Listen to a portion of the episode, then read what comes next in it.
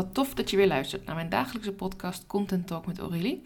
Um, waarin ik het vandaag met je wil hebben over uh, ja, de, eigenlijk een beetje de achterkant van je marketingacties. Dus niet de acties die jouw klant ziet of die jouw potentiële klant ziet of die ik zie, maar juist de dingen die je doet om je marketing draaiende te houden. Welke processen gebruik je daarvoor? Waar maak je het jezelf wat makkelijker in of waar kun je juist makkelijker in, in worden?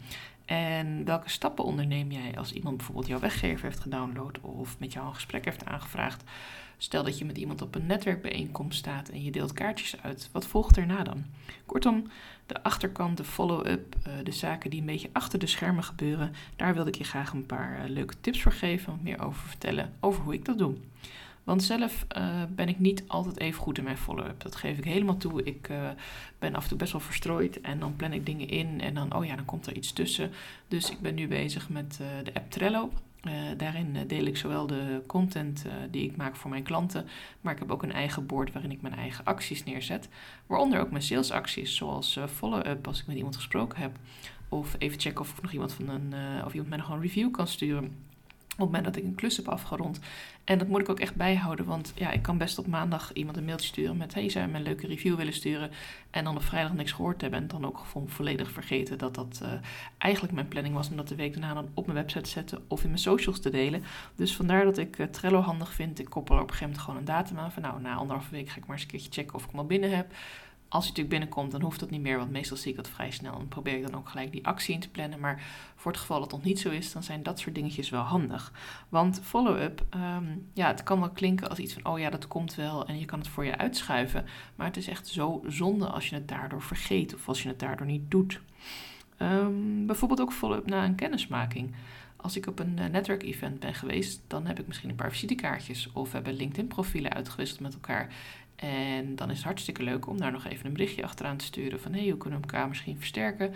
Als je echt een heel tof gesprek hebt gehad, heb je misschien ook bedacht dat je samen een keer koffie gaat drinken of samen gaat wandelen of wat dan ook om, uh, om wat langer door te praten. Want ja, op zo'n evenement is het toch vaak maar kort. En als je echt helemaal bij iemand uh, in gesprek raakt en niet meer boven komt, ja, dan is misschien je netwerkevent niet helemaal uh, geslaagd voor jou. Want dan mis je toch een beetje de interactie met andere deelnemers. Dus het is hartstikke goed om nog even een berichtje achteraf te sturen. En Weet je, follow-up hoeft niet te betekenen dat je ook meteen sales eruit haalt. Je hoeft niet meteen een klant te maken of zelf klant te worden bij die ander. Je kunt ook gewoon uh, business buddies worden of misschien elkaar één keer in de zoveel tijd even spreken en elkaar updaten over zaken. En op die manier uh, ja, elkaar ook beter leren kennen. En wie weet uh, heb je straks een aanbod waar zij dan van kan profiteren of andersom. Ook als er nieuwe volgers zijn, kan het heel waardevol zijn om die even een berichtje te sturen. Uh, maar maak het dan niet zo van, hé, hey, wat leuk, en een beetje standaard bericht wat je steeds kan copy en pasten. Ga ook echt even naar die persoon, naar Instagram toe. Ga gewoon eventjes kijken. En als iemand je een LinkedIn verzoekje stuurt en je kent die persoon niet, weeg dan af, uh, wat heb ik hier aan? Is dit echt iemand die ik wil leren kennen, iemand die ik in mijn netwerk wil hebben? Of wil ik juist heel veel mensen in mijn netwerk om heel hard te kunnen groeien? Of wil ik juist een netwerk waarin ik mensen ken? Maak daar ook even een afweging in voor jezelf en houd je daar ook aan. Als jij echt bewust mensen wilt kennen op LinkedIn, zodat je kunt doorverwijzen, dan kun je niet met iedereen die maar aankomt klopt meteen een link maken. En als je zegt ik wil dat wel, nou, dan is het misschien de moeite waard om even een bericht te sturen van hey, waar kunnen we elkaar mee versterken? Wederom, die standaard berichtjes waarvan je denkt dat ze echt heel persoonlijk overkomen. Ik spot ze altijd binnen 30 seconden of binnen twee regels of hoe snel het dan ook is. En ik vind het gewoon hartstikke zonde als iemand dat doet. Want dan denk ik, waarom wil je dan met mij connecten? Is dat omdat ik een groot netwerk heb en je dan weer een stap dichter bij die andere persoon komt? Ja, sorry, ik ben geen uh, steuntje in de rug of zo of voetenbankje. Um, als je met mij wil connecten, doe dat dan om wie ik ben, om wat ik doe. En laten wij dan even kijken of elkaar kunnen versterken. En dat is niet altijd zo. Het is ook niet altijd nu meteen. Maar op het moment dat je die actie al doet van met iemand gaan connecten, of dat nou iemand volgen is, of iemand op LinkedIn of op Facebook, ja, dan is het ook wel leuk om daar ook echt iets mee te doen. Want waarom niet? Waarom zou je niet meer willen weten over andere ondernemers of mensen met wie je mogelijk kunt samenwerken? Je weet nooit wat je eruit kunt halen. Zo was ik op een netwerkevent deze zomer en uh, daar leerde ik een aantal ondernemers kennen. En dat heeft nu geleid tot dat ik een nieuwe rol mag krijgen binnen een netwerkorganisatie hier in Almere. Het verhaal vertel ik je binnenkort. Het is uh, nu nog even afwachten op een paar details die we nog af moeten stemmen. Maar het komt helemaal goed. En dan uh, ja, hartstikke leuk om daar ook meer over te vertellen. Hoe eigenlijk vanuit een ontmoeting tijdens Boerengolf er nu een mooie samenwerking uit voortgekomen is. En uh, ja, het is gewoon leuk om daar even iets meer over te vertellen als het helemaal rond is. En ik ook uh, ja, precies weet uh, wat ik precies daarover kan vertellen. En, en wat ook interessant is voor jou om te vertellen. Ehm, dus dat kan. Dus ik kan hier ook trouwens op een gegeven moment ook een post over maken van hé, hey, dat heb ik eruit gehaald en dat was een hartstikke tof event om al bij te zijn. Ik heb er leuke mensen gesproken en ja, ook weer tips gekregen voor een boek of voor een tool. Ik zou even een boekje moeten zoeken wat ik ook weer waar precies heb gehaald. Maar ik weet dat ik eigenlijk altijd wel bij dit soort evenementen weer iets meeneem. En uh, zo vind ik het ook grappig om bijvoorbeeld als je een nieuw boek leest. Stel je voor dat je die van een andere ondernemer hebt gehoord, die titel. Je vindt het een goed boek. Dan kun je zeggen, hé, hey, dankjewel voor de tip. En dan doe je dat in een story bijvoorbeeld.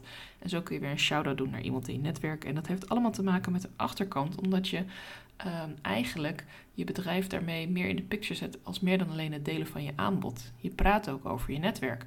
Je praat over je klanten. Je praat over dingen waarin je groeit. Uh, planningstools die je gebruikt, heb je al stukken van je marketing geautomatiseerd. Als iemand bij jou iets downloadt, krijgt ze dan ook een mailtje met de downloadlink. Of uh, misschien met een follow-up. Um, heb je ook een, een upsell daarin zitten, dat iemand misschien nog meer bij je kan kopen. Uh, heb je misschien ook een soort mailfunnel erachteraan, dat iemand na een paar dagen nog een update krijgt van hé, hey, wat vond je ervan? Wil je er een review over schrijven? Of doe je dat allemaal handmatig en heb je allemaal van die lijstjes overal met ook moet die nog dat sturen en die dat. Werkt dat echt voor je? Want een stukje marketing uh, automatiseren betekent ook dat het wel gedaan wordt. En dat je dus wel al die acties gewoon doet waarmee je blijft groeien in je bedrijf. Maar waar je het niet allemaal één voor één persoonlijk hoeft in te typen of copy en paste hoeft te gebruiken. Het kan heel waardevol zijn om eens te kijken naar de achterkant van je marketingacties en daarmee wat tijd te besparen en ook wat kosten te besparen. Als je er nou wat tips over wil, mag je mij natuurlijk een keer een berichtje sturen en dan ga ik gewoon gezellig met jou even een online bakje koffie drinken, zoals we dat dan noemen. En uh, ja, of live als je hier in de buurt woont in Almere ben je ook welkom om even te komen sparren.